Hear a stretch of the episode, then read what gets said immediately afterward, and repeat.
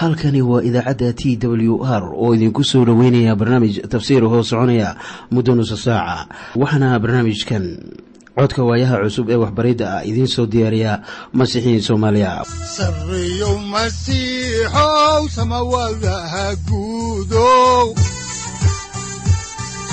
Siraadkii adduunkow subanaha eebow sareyow masiixow samawadaha guudow siraadkii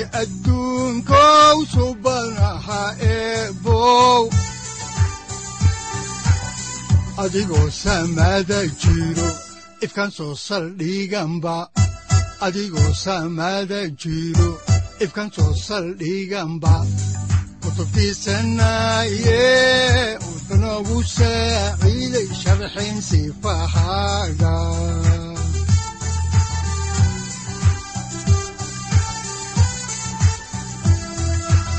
kutubtiisinayo ebanagu saaciid sharxin sifahaaga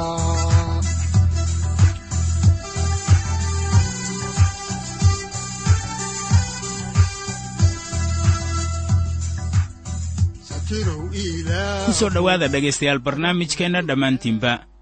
Waxaan horay u sii ambaqaadi doonnaa daraasaadkii la magac baxay baibalka dhammaantii. Waxaanan caawa idiin sii wadi doonnaa cutubka toddobaad ee kitaabkii labaad ee muuse oo la yidhaahdo baxniintii oo aan kaga gudbi doonno cutubka siddeedaad. Haddaba mawduucyada cutubkani uu ka kooban yahay waxa ay kala yihiin muuse oo lagu dhiirigeliyey inuu fircoon aado oo reer banu israa'iil uu samato bixiyo. Muuse ushiisii oo u rogmatay abeeso. Saaxiriintii masar oo ushoodii u beddelay mas. Niyadii fircoon oo adkaatay.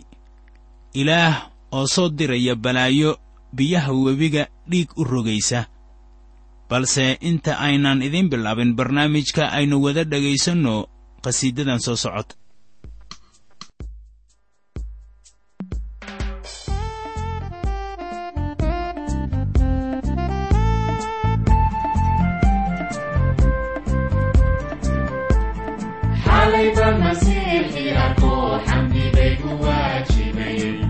xumaantaydii buu dhinto xamdi bay gu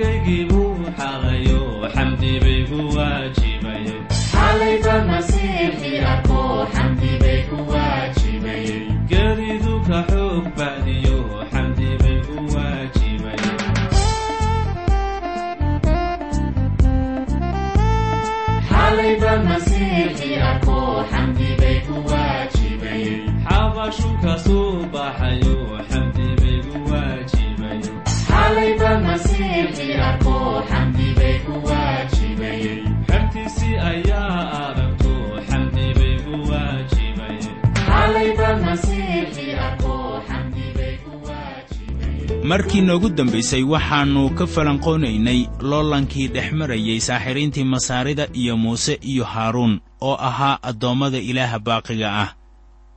Haddaba waxaa xiise leh in masriyiintu ay caabudi jireen yaxaas waxayna ahayd ushii haaruun tii laqday yaxaaskii faraha badnaa taasu waxay ahayd inay dhaygag ku riddo fircoon laakiin ma uusan dhaygagin. Fircoon wuxuu adkeeyey qalbigiisii oo wuxuu ku adkaystay qalloocsanaantiisii haddaan halkii ka sii wadno kitaabka baxniinta ayaa waxaa ku qoran baxniintii cutubka toddobaad aayadaha afar iyo toban ilaa sagaal iyo toban sida tan. Markaasaa rabbigu wuxuu muuse ku yidhi fircoon waa macangeg oo wuu diidayaa inuu dadka sii daayo. Bal subaxda fircoon u tag waayo aroorta wuxuu tagaa biyaha. Haddaba waxaad istaagtaa webiga qarkiisa inaad la kulantid isaga oo gacanta waxaad ku qaaddaa ama ku qaadataa ushii abeesada noqotay oo waxaad isaga ku tidhaahdaa rabbiga ah ilaaha cibraaniyada ayaa ii soo kaa diray oo wuxuu kugu yidhi sii daa dadkayga ha tageene inay cidlada iigu adeegaan oo bal eeg hadda ka hor ima aad maqlin.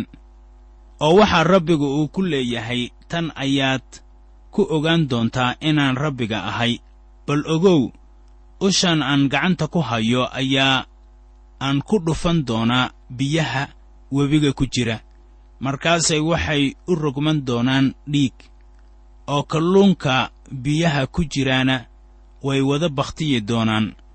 Markaasaa webigu uu soo uri doonaa kolkaasaa masriyiintu aad u nabcaan doonaan inay webiga biyo ka cabaan. Rabbigu wuxuu muuse ku yidhi waxaad haaruun ku tidhaahdaa ushaada qaado oo gacanta ku korfidi biyaha masar iyo webiyaashooda iyo durdurradooda iyo galalkooda iyo balliyadooda biyaha ah oo dhan si ay u noqdaan dhiig. Oo dhulka masar oo dhammu wuxuu noqon doonaa dhiig miidhan oo ku jiri doona weelasha qoriga ah iyo weelasha dhagaxa ahba. Tanu waa dharbaaxyo kulul oo kale oo masar lagu dhuftay. Webigii quduuska ahaa ee niil ayaa loo rogay dhiig masaaridu waxay u haysteen in webiga niil uu yahay habbi oo lahaa muuqaal nin buuran oo leh naasaha hablaha taasoo sheegaysa awoodda bacrinta ama dhulsanka iyo barwaaqada. Waxaa jiray hees ay ka dhex qaadi jireen macbudka ilaah kusheegan habbi wuxuuna heesku ahaa sida tan waxaad webiyahow biyaysaa beeraha ra' oo ah ilaah kusheegga masriyiintu abuuray. Waxaad tahay kan cunnada keenay abuuraha waxyaabaha wanaagsan waxaanad maqaasiinnadeenna ka buuxisaa cunno. Waxaad biyo yahow daryeeshaa masaakiinta iyo kuwa baahan. Haddaba webiga niil wuxuu ahaa halbowlaha masriyiinta laakiin waa biyaha waxaa halbowlaha nolosha ahaa. Haatan webigaasu wuxuu noqday dhiig iyagiina wuxuu u noqday wax dhintay oo kale. Wixii masaaridu u ahaan jiray barako ayaa haatan noqday dhimasho taasina waa xukunka ilaah haddaan halkaasi ka sii wadno ayaa waxaa ku qoran kitaabkii labaad ee muuse oo la yidhaahdo baxnayntii cutubka toddobaad aayadaha laba iyo labaatan ilaa shan iyo labaatan sida tan. Markaasaa saaxiriintii masarna waxay yeeleen sidii si la eg oo falalkoodii ay ku sameeyeen. Qalbigii fircoonna wuu sii qallabsanaaday mana uu dhegaysan iyagii sidii rabbigu uu yidhi. Kolkaasaa fircoon uu noqday uu gurigiisii tegey. Waxaana qalbigiisii maba uu gelin. Markaasaa masriyiintii oo dhammu waxay qoteen webiga dhinacyadiisa inay helaan biyo ay cabaan waayo biyihii webiga ayay cabi kari waayeen oo intii rabbigu webiga kharribay toddoba maalmood baa ka dambaysay. Balaayadan waxay socotay ilaa iyo toddoba maalmood fircoon kuma qancin in waxani ay ka yimaadeen gacanta rabbiga waayo saaxiriintiisii ayaa awooday inay iyaguna fal sameeyaan si ay biyaha u nadiifiyaan. Tanina waa wax la yaab leh. Taasuna waxay caddeen u tahay awoodda shayddaanka dabcan. Laakiin way ku guuldarraysteen inay biyihii dhiig ka rogaan oo biyo nadiif ah ay ka dhigaan. Haddaba intaas ayaannu kaga gudbaynaa cutubka toddobaad oo iminkana waxaannu guda gelaynaa cutubka siddeedaad haatan waxaannu soo gaarnay cutubka siddeedaad mawduucyada cutubkan siddeedaad waxa ay kala yihiin. Kow masaarida oo lagu salladay balaayo kale oo ah tiiraha labo fircoon oo sii adkaynaya mar kale qalbigiisii saddex masaarida oo lagu salladay injir afar ilaah oo hoosaysiiyey qalbigii fircoon iyo qabkiisii. Shan masaarida oo ay hareeyeen duqsiyo fara badan oo sida abbaarta ah noqon kara cayayaankii ay quduuska u haysteen. Lix muuse oo ka faa'iidaysanaya xidhiirkii sokeeye ee uu la lahaa ilaah oo qaatay jegadiisii ahayd dhexdhexaadiyanimada haatan aynu isla eegno aaraahda cutubkan. Haddaba cutubkan waxaa horay loo sii ambaqaadayaa balaayooyinka ku habsaday dhulkii masar. Ilaah baa ku aadinaya weerarkiisa dad u soo baxay inay ahaadaan sanam caabud haatanna aan eegno balaayadii labaad ee ahaa raha. Sidaan horay u soo aragnay raha waxaa matala heka oo ahayd ilaahad ku-sheegga madaxeedu rah yahay. Habbi ayaa isna loo taswiiray isagoo kor ugu soo qaaday rah halka afkiisa ku aadanina ay tahay il biyo ah oo barwaaqo ah. Taasina waxay sheegaysaa xidhiirka soke ee ka dhexeeya ilaah ku-sheegyada webiga niil iyo ilaahad ku-sheeggan madaxa raha ah leh oo ah tan ugu qadiimsan ee ah hooyada ku-sheegyada haddaan dib ugu noqonno kitaabka baxnayntii ayaa waxaa ku qoran cutubka siddeedaad aayadaha kow ilaa shan sida tan. Markaasaa rabbigu wuxuu muuse ku yidhi fircoon u tag oo waxaad ku tidhaahdaa waxaa rabbigu leeyahay dadkayga sii daa ha tageene inay ii adeegaan oo haddii aad diiddo inaad sii daysid bal hadda ogow waddankaaga oo dhan waxaan ku soo dayn doonaa rahyo oo webiga waxaa ka buuxsami doona rahyo markaasaa waxay tegi doonaan oy geli doonaan gurigaaga iyo qowladdaada aad seexatid iyo sariirtaada dusheeda iyo guryaha addoommadaada oo dhan iyo dadkaaga dushiisa iyo foornooyinkaaga dhexdooda iyo weelashaada wax lagu cajiimo oo dhan. Oo rahyadu waxay korfuuli doonaan adiga iyo dadkaaga iyo addoommadaada oo dhanba. Markaasaa rabbigu wuxuu muuse ku yidhi waxaad haaruun ku tidhaahdaa gacanta adoo ushaada ku haysta ku fidi webiyaasha dushooda iyo durdurrada dushooda iyo balliyada dushooda oo rahyo ku soo daa dalka masar. Haddaan halkii ka sii wadno xigashada ayaa waxaa ku qoran kitaabka labaad ee muuse oo la yidhaahda baxniintii cutubka siddeedaad aayadaha lix ilaa toddoba sida tan. Markaasaa haaruun gacanta uu ku korfidiyey biyihii dalka masar oo dhan. Kolkaasaa rahyadii ay soo baxeen oo ay qariyeen dalkii masar. Saaxiriintiina sidaas si la eg bay yeeleen oo falalkoodii ay ku sameeyeen oo rahyo bay keeneen dalkii masar mar kale ayaa saaxiriintii reer masar iyaguna ay sameeyeen balaayadii raha taasuna waxay muujinaysaa awoodda shayddaanka haddaan halkii ka sii wadno ayaa waxaa ku qoran kitaabkii labaad ee baxniinta cutubka siddeedaad aayadaha siddeed ilaa kow iyo toban sida tan. Markaasaa fircoon wuxuu u yeedhay muuse iyo haaruun oo wuxuu ku yidhi rabbiga noo barya inuu rahyada naga qaado aniga iyo dadkaygaba oo markaasaan dadka sii dayn doonaa inay tagaan oo ay rabbiga allabari u bixiyaan. Kolkaasaa muuse wuxuu fircoon ku yidhi adaa amarka leh goormaan idin baryaa adiga iyo addoommadaada iyo dadkaaga iyo in rahyada laga baabi'iyo adiga iyo guryahaagaba oo ay ku hadhaan webiga keliya. Markaasuu ku yidhi berri isaguna wuxuu yidhi sidaa u tiri ha noqoto. Bal inaad ogaatid inaannu jirin mid la mid ah rabbiga ah ilaahayaga oo rahyadu waa kaa tegi doonaan adiga iyo guryahaaga iyo addoommadaada iyo dadkaagaba oo waxay ku hadri doonaan webiga oo keliya. Waa wax xiise leh inaan ogaanno in kastoo saaxiriintii ay tarmiyeen raha inaanay haddana awoodin inay rahyadii ay badiyaan iyo kuwii kaleba ay meeshaasi ka wadaan. Ilaah wuxuu haatan ku weeraray balaayadan fircoon.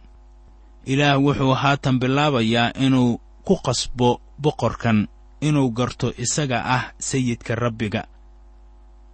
Weli fari kama qodna oo haddaan halkeedii ka sii wadno ayaa waxaa ku qoran cutubka siddeedaad aayadaha laba iyo toban ilaa shan iyo toban sida tan. Kolkaasay muuse iyo haaruun ka tageen fircoon. Markaasaa muuse rabbiga uu ugu qayshaday wax ku saabsan rahyadii uu ku soo daayey fircoon.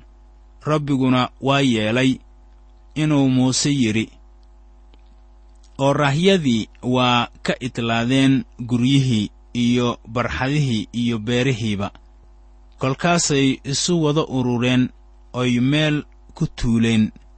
Markaasaa dalkii uray fircoonse markaasuu arkay inay wixii joogsadeen. Ayuu qalbiga ka sii qallafsanaaday mana uu dhegaysan iyagii sidii rabbiga uu yidhi. Iminka aynu eegno maaddada ah balaayadii saddexaad ee injirta weli waxaannu bartamaha kaga jirnaa xigashada kitaabkan labaad ee muuse oo la yidhaahdo baxniintii. Waxaanan haatan eegaynaa cutubka siddeedaad aayadaha lix iyo toban ilaa sagaal iyo toban oo leh markaasaa rabbigu wuxuu muuse ku yidhi waxaad haaruun ku tidhaahdaa ushaada fidi oo ciidda dhulka ku dhufo si uu dalka masar oo dhammu injir miidhan u noqdo. Markaasay sidii yeeleen kolkaasaa haaruun ushiisii gacanta ku dhuftay oo wuxuu ku dhuftay ciidda dhulka. Kolkaasaa injirtu ay gashay dadkii iyo duunyadiiba ciiddii dhulka oo dhammuna waxay noqotay injir miidhan oo qulqulaysa dalkii masar oo dhan. Saaxiriintiina saasay yeeleen oo waxay damceen inay injirta falalkoodii ku keenaan.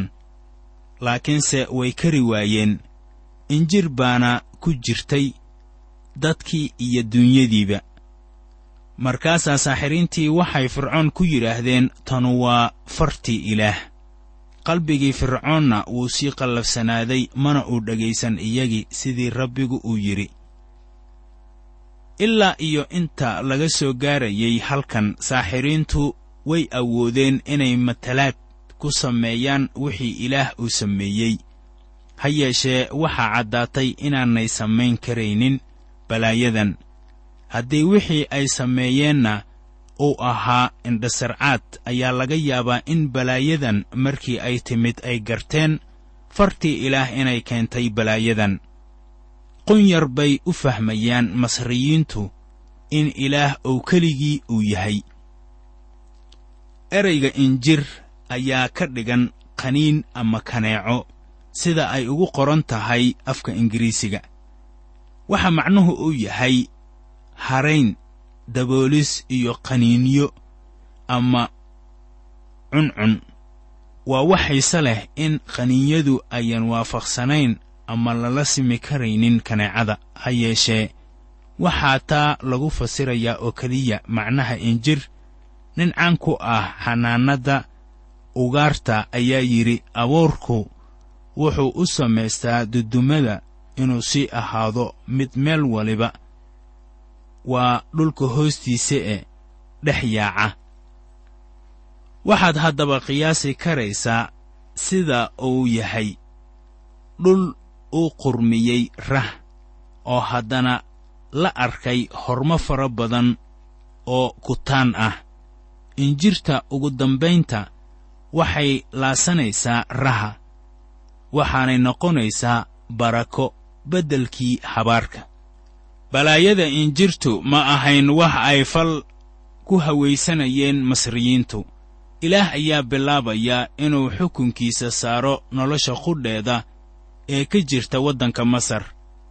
Iminkana aynu eegno maaddada ah balaayadii afaraad ee duqsiga. Waxaan weli bartamaha kaga jirnaa wixii lagu qoray kitaabka baxniintii oo haatanna waxaannu eegaynaa cutubka siddeedaad aayadaha labaatan ilaa saddex iyo labaatan.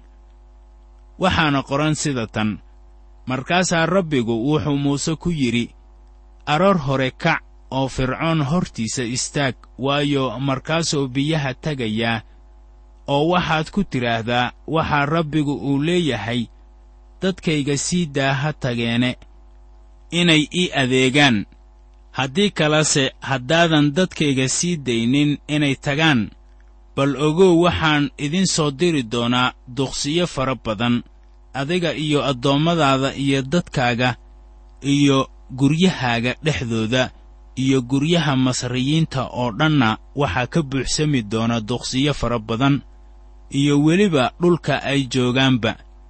Inaad ogaatid inaan anigu dhulka dhexdiisa ku ahay rabbiga maalintaas waan ka duwi doonaa dalka gooshen oo dadkaygu deggan yahay. Inaan duqsiyo badanu halkaasu jirin innaba oo dadkayga iyo dadkaagana waan kala sooci doonaa. Calaamadahaasuna berri bay ahaan doontaa. Ilaa iyo haatan balaayooyinka waxa ay saamayn jireen dhulka masar iyo gooshan oo ahayd halkii ay carruurtii ilaah ku noolaayeen dad badan ayaa sida abbaarta ah fircoon ku lahaa maadaama gooshan dhibka uu gaarayo ayaa calaamadaha balaayadan waxay leedahay fasiraad dabiici ah. Ama waa wax caadi ahaan u dhacaya laga yaabo inay islahaayeen waxa dhacaya waxaa sabab u ah mid ka mid ah ilaah ku-sheegyada masar. Haatanna waxaannu soo gaarnay cutubka sagaalaad haddaba waxaan soo gaarnay haatan cutubka sagaalaad waxaana mawduucyadiisa ay kala yihiin loda masar oo uu ku dhacay dhuug taasoo shakila'aan ah dhimasho. Labo masaarida qudhoodana waxaa aafeeyey nabarro xanuun badan. Saddex ugu dambayntii ilaah wuxuu soo diray balaayadii barafka markaasoo ay jirtay duufaan iyo roob dhagaxyaale. Aaraahda cutubkan ilaah wuxuu weli howl ka hayaa niyaddii adkayd ee fircoon iyo dadkiisa. Ilaa iyo inta fircoon ilaah uu diidan yahay murug iyo halaag baa dhulka masar iyo waxa deggan saamaynaya ilaa cutubkan laga soo gaaro waxaa laynoo sheegay in fircoon uu adkeeyey niyaddiisii haatanna waxaa laynoo sheegay in ilaah uu adkeeyey niyaddii fircoon. Fircoon diidmada uu ku sii socdo inuu ilaah garto u addeeco doonistiisa ayaa taasu waxay keentay baabba. Ilaah wuxuu doonayaa inuu ina barakadeeyo ou ina badbaadiyo. Haatanna aynu eegno maaddada ah balaayadii shanaad ee cudurka xoolaha haddaan xigashada kitaabka baxniintii idinka bilowno cutubka sagaalaad aayadaha hal ilaa toddoba ayaa waxaa qoran sida tan. Markaasaa rabbigu waxa uu muuse ku yidhi fircoon u tag oo waxaad ku tidhaahdaa waxaa rabbiga ah ilaaha cibraaniyadu leeyahay dadkayga sii daa ha tageene inay ii adeegaan. Waayo haddii aad sii deen weydo oo aad sii haysatid bal ogow gacanta rabbigu waxa ay ku dhici doontaa xoolahaaga berrinka jooga ha ahaadeen fardaha dameeraha geela looda iyo arigaba. Waxaana ku dhici doona cudur baas oo rabbigu waa kala sooci doonaa xoolaha reer binu israa'iil iyo xoolaha masar oo waxaa reer binu israa'iil ay leeyihiin waxba kama dhiman doonaan. Rabbiguna wakhtiguu u qabtay isaga oo leh berri rabbiga waxan ayuu dalka dhexdiisa ku samayn doonaa. Rabbiguna waxaas waa sameeyey maalintii dambe oo xoolihii masar oo dhammuna way wada bakhtiyeen laakiinse xoolihii reer binu israa'iil midna kama bakhtiin. Markaasaa fircoon cid diray oo baleeg xoolihii reer binu israa'iil xitaa mid kama bakhtiin laakiinse fircoon waa madax adkaaday dadkiina siima uudayn inay tagaan. Fariinta walaalkeen horay ha noogu sii wado. Qofku wuxuu u malaynayaa haatan in fircoon uu la yaabi doono oo uu carruurtii israa'iil sii dayn doono.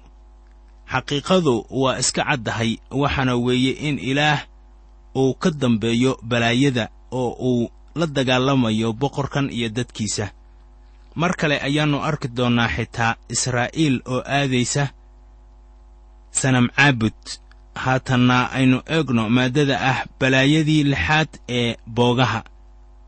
Haddaan halkaa ka sii wadno xigashada ayaa waxaa ku qoran kitaabkii labaad ee muuse oo la yidhaahdo baxniintii cutubka sagaalaad aayadaha siddeed ilaa toban sida tan.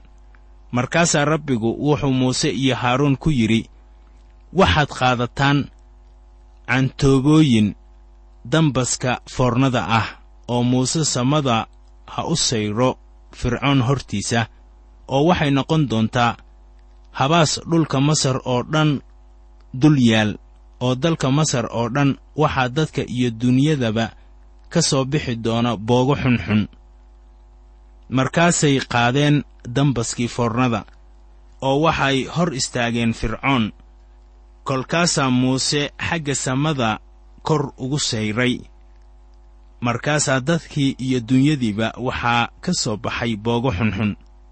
Masaal ahaan balaayadan waxay sida abbaarta ah timid iyadoo fircoon ay hortaagan yihiin muuse iyo haaruun. Waxaana laga yaabaa inuu ahaa qofkii ugu horreeyey ee booguhu ay ka soo baxaan haddaan halkii ka sii wadno kitaabka ayaa waxaa ku qoran aayadda kow iyo tobanaad sida tan. Oo saaxiriintiina muuse ma ayan hor istaagi karin boogaha dartood. Waayo booguhu waxa ay ka soo baxeen saaxiriintii iyo masriyiintii oo dhan. Haatanna aynu wada dhegaysanno qhasiidadan oo ay inoogu luqeeyaan masiixiyiin soomaaliyeed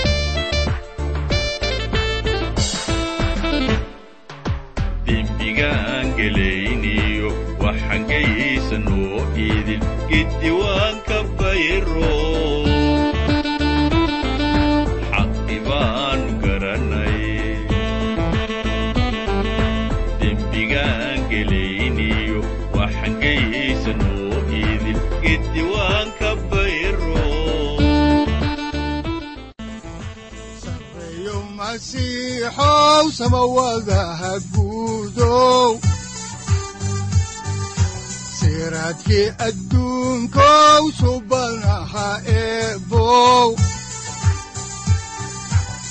adigoo samada jiro ifkan soo saldhiganba adigoo samada jiro ifkan soo saldhiganba kutubtiisanaye halkani waa t w r idaacadda t w r oo idinku leh ilaa ha idin barakeeyo oo ha idinku anfaco wixii aad caawi ka maqasheen barnaamijka. Waxaa barnaamijkan oo kalea aad ka maqli doontaan habeen dambe hadahan oo kale haddiise aad doonaysaan in aad fikirkiina ka dhiibataan wixii aad caawi maqasheen ayaad nagala soo xiriiri kartaan som t w r at t w r c o k e haddii aad doonaysaan in aad dejisataan oo kaydsataan barnaamijka ama aad mar kale dhegaysataan fadlan mar kale booqo www t w r o r g amase waxaad teleefoonkaaga ku kaydsataa ama ku download garaysataa agabyada ku sahli karaa dhegeysiga t w r haddii aad doonayso in laga kaalmeeyo dhinacyada fahamka kitaabka amase aad u baahan tahay duco fadlan fariimahaaga soo mari bogga aaraahda ama kommentska inana jawaab degdeg ah ayaanu ku soo diri doonaa amase ku siin doonaaye